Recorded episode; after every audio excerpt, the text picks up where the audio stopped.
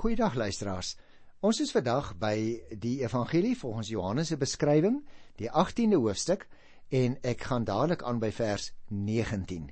Dit gaan oor die Here Jesus wat dan voor Annas gebring is en hoe dat uh, Petrus die Here Jesus verloon het in die eerste twee gedeeltetjies wat ons nou verlede keer al begin het en nou kom ons by die afdeling wat handel oor Annas en Kajafas verhoor Jesus.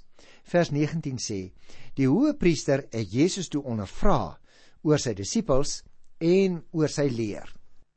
Nou dis interessant luisteraars, ons moet nou baie goed onthou dat uh, Annas natuurlik volgens die Joodse orde vir altyd hoëpriester is.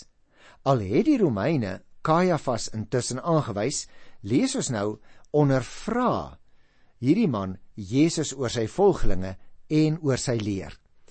Dit was om die waarheid te sê ontoelaatbare wetlike prosedure.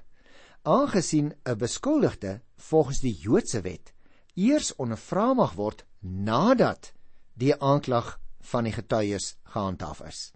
Die aanklaers moes sy skuld bewys. En moontlik was die ondervraging deur Annas so bietjie 'n informele voorondersoek, maar eintlik mag dit natuurlik nie plaasvind het nie. Die hele verhoor van die Here Jesus begin dus, as ek dit so mag uitdruk, op 'n vals noot of 'n verkeerde voet, as jy miskien dit anders sou wou noem. Vers 20. Jesus het hom geantwoord: Ek het in die openbaar met die mense gepraat. Ek het hulle altyd in die sinagoges en in die tempel geleer, waar al die Jode bymekaar was. Ek het niks in die geheim gesê nie. Die Here Jesus antwoord nou dat hy sy lering gedoen het by die openbare byeenkom plekke van die Jode, naamlik in die sinagoges en in die tempel. nou vra die Here Jesus vers 21: "Waarom ondervra u my? Ondervra die wat gehoor het wat ek vir hulle gesê het. Hulle weet wat ek gesê het." Nou weer eens luisteraars, volgens prosedure moes die getuies vir die verdediging eers geroep word. Van hulle is daar baie wat Jesus in die openbaar gesien het en gehoor het. Luisteraars, dit was nou hierdie mense wat eintlik getuienis moes kom lewer voor Annas en sy vrae moes kom beantwoord. Dit sou in elk geval ook volgens die korrekte prosedure gewees het as dit so sou gebeur het, maar nou gebeur dit nie. Vers 22: Toe Jesus dit sê, het een van die wagte wat daar naby gestaan het, hom geklap en gesê: "Antwoord jy die hoëpriester so?" Jy sien, 'n verontwaardigde lid van die tempelpolisie voeg nog toe tot die onwettigheid by die Here Jesus se verhoor. Uh want hy mag nie op hierdie stadium iemand deur die gesig geklap het om daarmee uh nou te wys hoe belangrik die hoëpriester is nie. Die Here Jesus is nog nie as die skuldige bewys nie. Hy verskyn nog net en hierdie mense begin dus van die staanspoor af allerhande ons sou 'n goeie Afrikaans sê allerlei triks uithaal uh om sommer die misnoë wat daar in hulle harte is om daaraan uitdrukking te gee, maar dit mag nie gebeur het nie.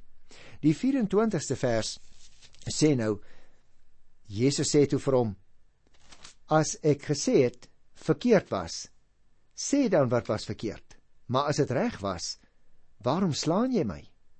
Annas het hom toe geboei na die hoë priester Kajafas toe gestuur. Luisteraars, die Here Jesus van sy kant af hou hy streng by die prosedure en hy daag die wag uit om dit getuies te kom bewys dat hy iets wetlik verkeerd gesê het. En toe Annas nou sien vers 24 dat hy nie konstruktief met Jesus vorder nie, stuur hy hom geboei na die amptelike hoëpriester Kajafas toe wat die voorsitter was van die Joodse Raad, die Sanhedrin, hè. Nou, die Here Jesus is dus nou hier alreeds twee keer gedurende die loop van daardie nag verhoor voordat hy voor die Joodse Raad gebring is. Somstyds in geskrifte luisteraars as jy dit sou nalees sal jy opmerk hier word somstyds gepraat van die tweede verhoor. Ehm um, hier in Johannes 18 by vers 24. En dit is die agtergrond. Die priesterhoofde en die fariseërs het natuurlik geweet dat hulle hom nie van enige iets kon beskuldig nie en daarom het hulle ook van vals getuies staat gemaak. Dit bring ons nou by die volgende opskrif hier in die evangelie van vers 25 af wat sê Petrus verloon Jesus weer.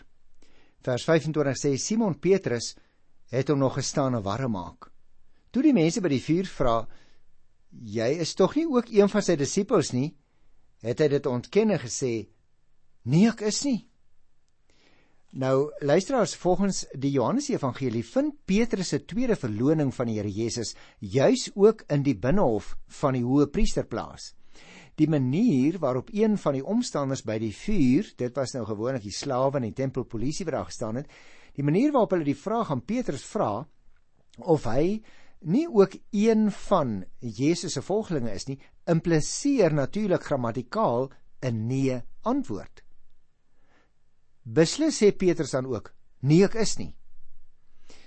In die ander evangelies word berig dat Petrus Jesus 3 keer uh dit is natuurlik 'n voltal ontkenning verloon het terwyl hy buite Kajafas se woning gewag het. Johannes sê egter, nou ek vertel dit maar net vir julle as luisteraars uh, as 'n interessante opmerking. Johannes sê egter dat die eerste verloning by Annas se huis en die ander twee by Kajafas se paleis was. Nou kan dit natuurlik wees dat Annas en Kajafas naby aan mekaar gewoon het en dat Petrus moontlik op dieselfde plek waarskynlik in die binnehof bly wag het. Maar nou ja, dit is nou nie van deurslaggewende belang nie. Ek noem dit wel net interessantheidshalwe. So kom ons kyk dadelik na vers 26. Een van die hoëpriester se slawe wat familie was van die een wie se oor Petrus afgekap het, vra toe: "Het ek jou dan nie in die tuin by hom gesien nie?" Nou jy onthou nog die geskiedenis, né? Een van die slawe van die hoëpriester wat familie van Malchus was, Ons kry nie Malchus se naam hier nie, maar ons het hom in die vorige weergawe gekry. Het Petrus in die flikkerende lamplig onderlangs bekyk. En nou ja, besluit hy so by homself, maar ek herken hierdie man, ek het hom daar in die tuin van Getsemane gesien. En nou om sy vermoede te bevestig, vra hy weer 'n keer die identiteitsvraag waaroor ek al baie met julle gesels het, want Johannes wil altyd die identiteit van die Here Jesus na vore bring.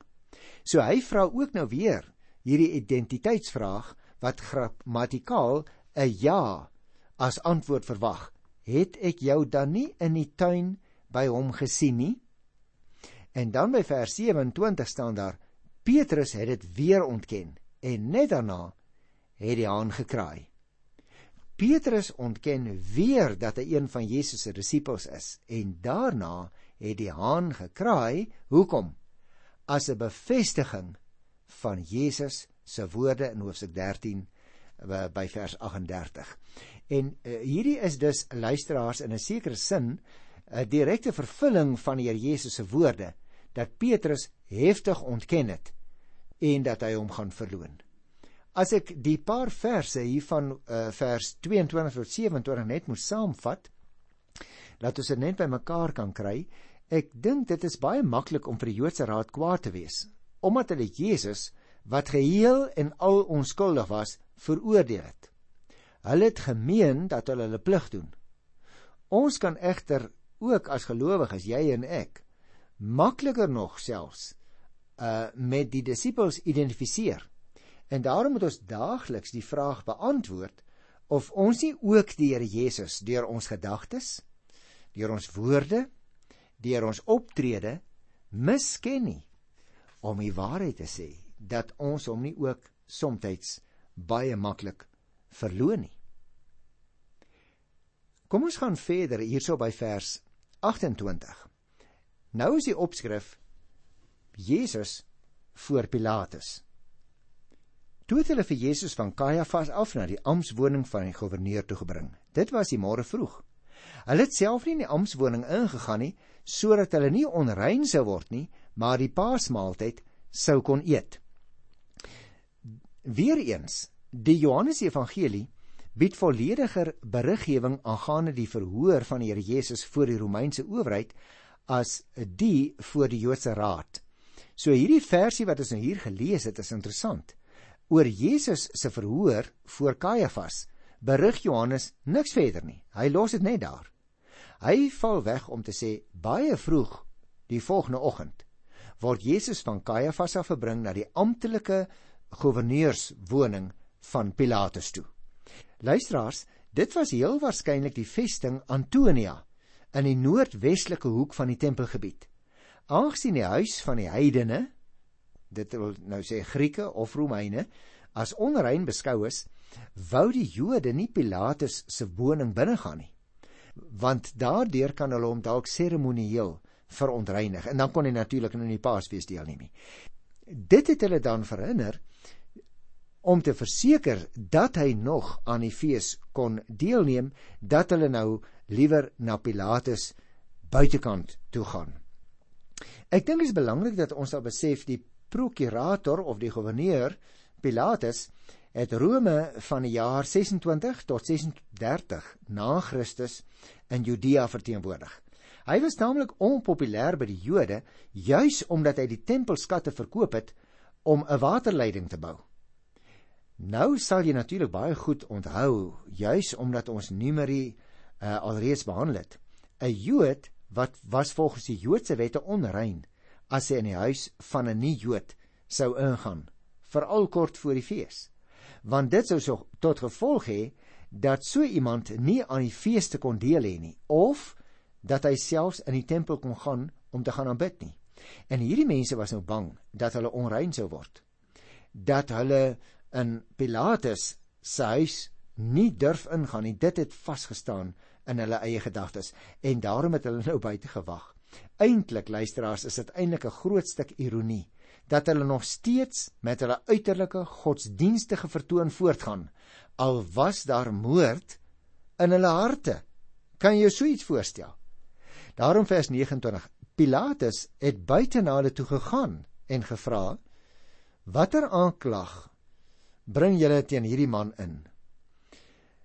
Jy sien, hierdie goewerneur Pontius Pilatus gaan nou uit na buitentoe wat eintlik heeltemal ongewoon is en streng volgens die Joodse reg vra hy nietemin na die aard van die aanklag teen die beskuldigde.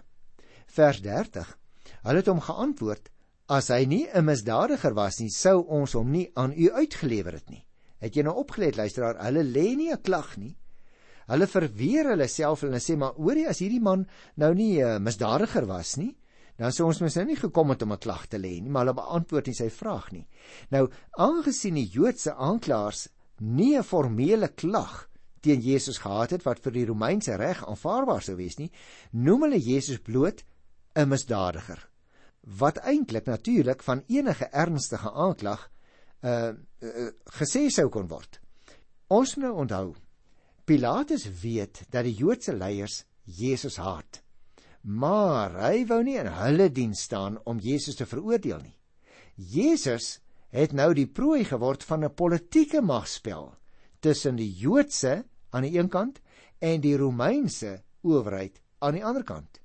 Die goddelike plan met Jesus se lewe moet egter end uit voltooi word. En daarom vers 31 Pilate sê toe vir hulle: "Vat julle hom veroordeel hom volgens julle wet. Maar die Jode sê vir hom: Ons mag nie iemand regstel nie. Luisteraars, ek wil hê dat ons dit baie duidelik sal sien. Die Jode is die mense wat die klag het. Maar hulle het nie regs mag nie. Hulle kan welkom en sê volgens ons reëls het hierdie man dit of dat gedoen. Maar as daar 'n vonnis gevel moet word, dan is dit natuurlik die Romeinse owerheid. Nou dit was sekerlik vir hulle baie bitter om dit te doen vir die Jode, maar hulle het geen keuse nie. So daarom het hulle in vers 31 het Pilatus vir hulle gesê: "Vat julle hom, veroordeel hom volgens julle wet." So Pilatus kan eintlik nie optree sonder 'n formele klag nie. En daarom vra hy die Jode om Jesus self te veroordeel, let nou op, volgens hulle wet. Dit wil sê volgens hulle godsdienstige wet. Maar die Jode het egter nie 'n aanklag wat op teregstelling kan uitloop nie. En daarom kon hulle streng gesproke nie deur die Joodse raad 'n besluit laat neem nie. Terwyl Pilatus in die stad was om oproer te voorkom, moes hy nou die Jode in hulle dilemma rakende Jesus help. Vers 32 sê: Dit het gebeur sodat die woorde van Jesus vervul kon word wat hy gesê het toe hy aangedui het op watter manier hy sou sterwe. Jy sien, indien Pilatus deur Jesus sou veroordeel, sou die teregstelling volgens die Romeinse metode van kruisiging moes plaasvind en dit is die vervulling van Jesus se woorde oor die manier waarop hy sou sterwe en waaroor hy ook gepraat het in Hoofstuk 12 vers 32. Johannes lê dus dwars deur nog eens die klem op die goddelike noodwendigheid in al hierdie verskillende gebeure. Die Here Jesus het mos nou al voor die tyd gesê dat hy gekruisig gaan word in Matteus 26 vers 2 byvoorbeeld. Maar die dilemma bly steeds vir die Jode. Slegs die Romeine kan hom tot die kruisdood veroordeel en teregstel. Vers 33. Pilatus het toe weer in sy amptswoning ingegaan en Jesus geroep en vir hom gevra: "Is jy die koning van die Jode?" Nadat Pilatus nou eers 'n paar woorde met die Jode gewissel het, gaan hy weer terug in die praetorium. Dis nou sy woning en hy gaan nou in om die gevangene te ondervra, waar hulle so 'n bietjie eenkant is. Pilatus is dus baie skepties of die man wat hier voor hom staan homself as 'n koning voordoen. Want jy sien, as dit sou gebeur, dan kan daar wel 'n klag wees. Daarom vra hy nou: "Is jy 'n koning?" Soos die Jode nou skynbaar beweer het Johannes vertel dit nie maar in die ander evangelies kry ons dit wel. Nou as dit so is, het dit ernstige politieke implikasies vir hom. Daarom vra hy Jesus reguit daarna met die klem op die jy. Is jy die koning van die Jode? En dan vers 34. Jesus het hom geantwoord: Vra u dit uit u eie of het ander dit vir u van my gesê. Die Here Jesus wil dus weet of Pilatus dit vra uit eie waarneming en of die vraag aan hom voorgesê is. Nou let op. Indien Pilatus se vraag sou impliseer dat Jesus 'n politieke bedreiging vir die keiser inhou, dan sou Jesus natuurlik nee kon antwoord. Maar as hy vraag bedoel of Jesus die messiaanse koning van Israel is, dan sou Jesus ja moet antwoord. En daarom kom ons nou in vers 35 by Pilatus se reaksie. Ek is mos nie 'n Jood nie, antwoord Pilatus. Dit is vir jou volk en jou priesterhoofde wat jou aan my uitgelewer het. Wat het jy gedoen?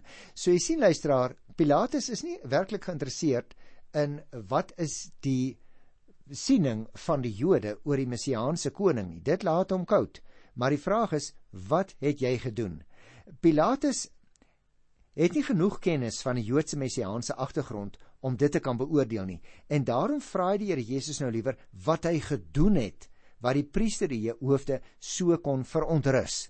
Nou luister na vers 36. My koninkryk is nie van hierdie wêreld nie, antwoord Jesus. As my koninkryk van hierdie wêreld was, sou my onderdane geveg het sodat ek nie aan die Jode uitgelewer sou word nie. Maar nou is my koninkryk nie van hier nie. Die Here Jesus sê dus dat sy koningskap want as hy 'n koning is, dan moet dit gaan oor 'n koninkryk, dat sy koningskap nie sy oorsprong in hierdie wêreld het nie. Die voor die hand liggende bewys daarvoor is dat sy onderdane nie nou hulle militêre koning probeer bevry nie. Dit is glad nie waaroor dit gaan nie. Nou vers 37 nou is jy dan tog wel 'n koning? vra Pilatus. Dit is soos u sê. Ek is 'n koning, antwoord Jesus. Ek moet oor die waarheid getuienis aflê. Hiervoor is ek gebore en hiervoor het ek na die wêreld gekom. Elkeen wat aan die waarheid behoort, luister na wat ek sê. Luisteraars nou, dit is 'n baie belangrike uh gesprek wat ons nou hier het. Want hier in vers 37 Pilatus se daarop volgende stelling impliseer 'n ja antwoord. Jesus antwoord Pilatus baie fyn. U sê dat ek 'n koning in politieke sin is, maar ek sê dat ek as messiaanse koning gebore is. Die Here Jesus is dus gestuur om die waarheid van sy Vader bekend te maak, die verlossingsboodskap. Sy boodskap en sy sending beliggaam die waarheid. En die wat aan hom behoort, luister na sy stem. Pilatus, luisteraars het jy opgemerk, het die Here Jesus reguit vra gevra of hy dan tog wel 'n koning is. En Jesus antwoord hom met 'n duidelike antwoord. Hy is 'n koning, maar sy koninkryk is nie van hierdie wêreld nie. Dit lyk dus asof Pilatus heeltemal oortuig was daarvan dat Jesus die waarheid gepraat het en heeltemal onskuldig was. As hy 'n aardse koning was, sou sy onderdane hom tog seker nou in hierdie oomblikke probeer bevry het. Dit wil nou egter voorkom asof Pilatus die waarheid geken het. Maar nietemin nie agter opgeslaan het nie. In die drama wat nou afspeel, vervul Pilatus eintlik 'n tragiese rol. Sy volgende vraag oor wat waarheid is, is 'n aangrypende een. Dit gee aan die Here Jesus die kans om te verduidelik dat God se waarheid in homself beliggaam is.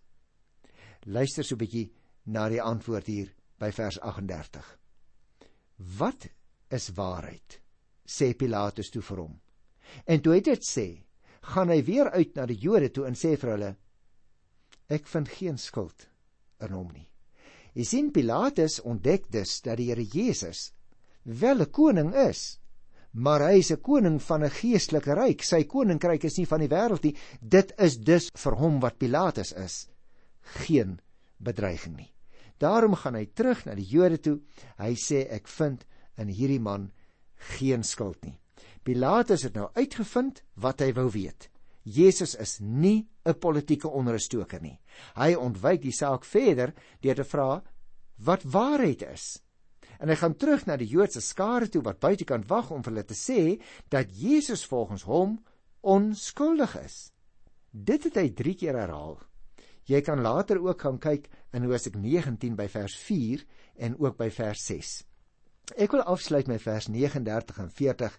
Maar julle is gewoond dat ek vir julle gedurende die Paasfees iemand loslaat. Wil julle hê ek moet vir julle die koning van die Jode vir julle loslaat? Nou let op luisteraars, dis nou 'n maklike antwoord. Hy gee eintlik 'n gaping vir die volk dat hulle kan sê laat hom los. Hy is die koning van die Jode. Maar die Jode wil dit nie hoor nie. Hy want hulle wil hom nie aanvaar as hulle koning nie. En dit is die hele dilemma in die situasie.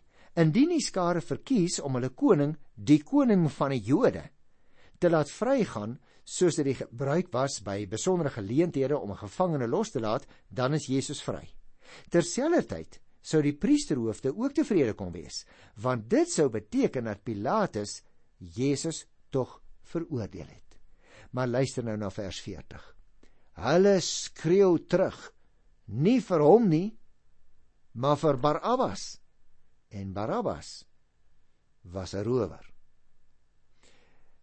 Die opgesweepte Joodse skare verkies egter skreeuend die opstandeling Barabbas bo Jesus. Pilatus se vrae oor Jesus se identiteit beklemtoon nog eens dat Jesus die seun van God is.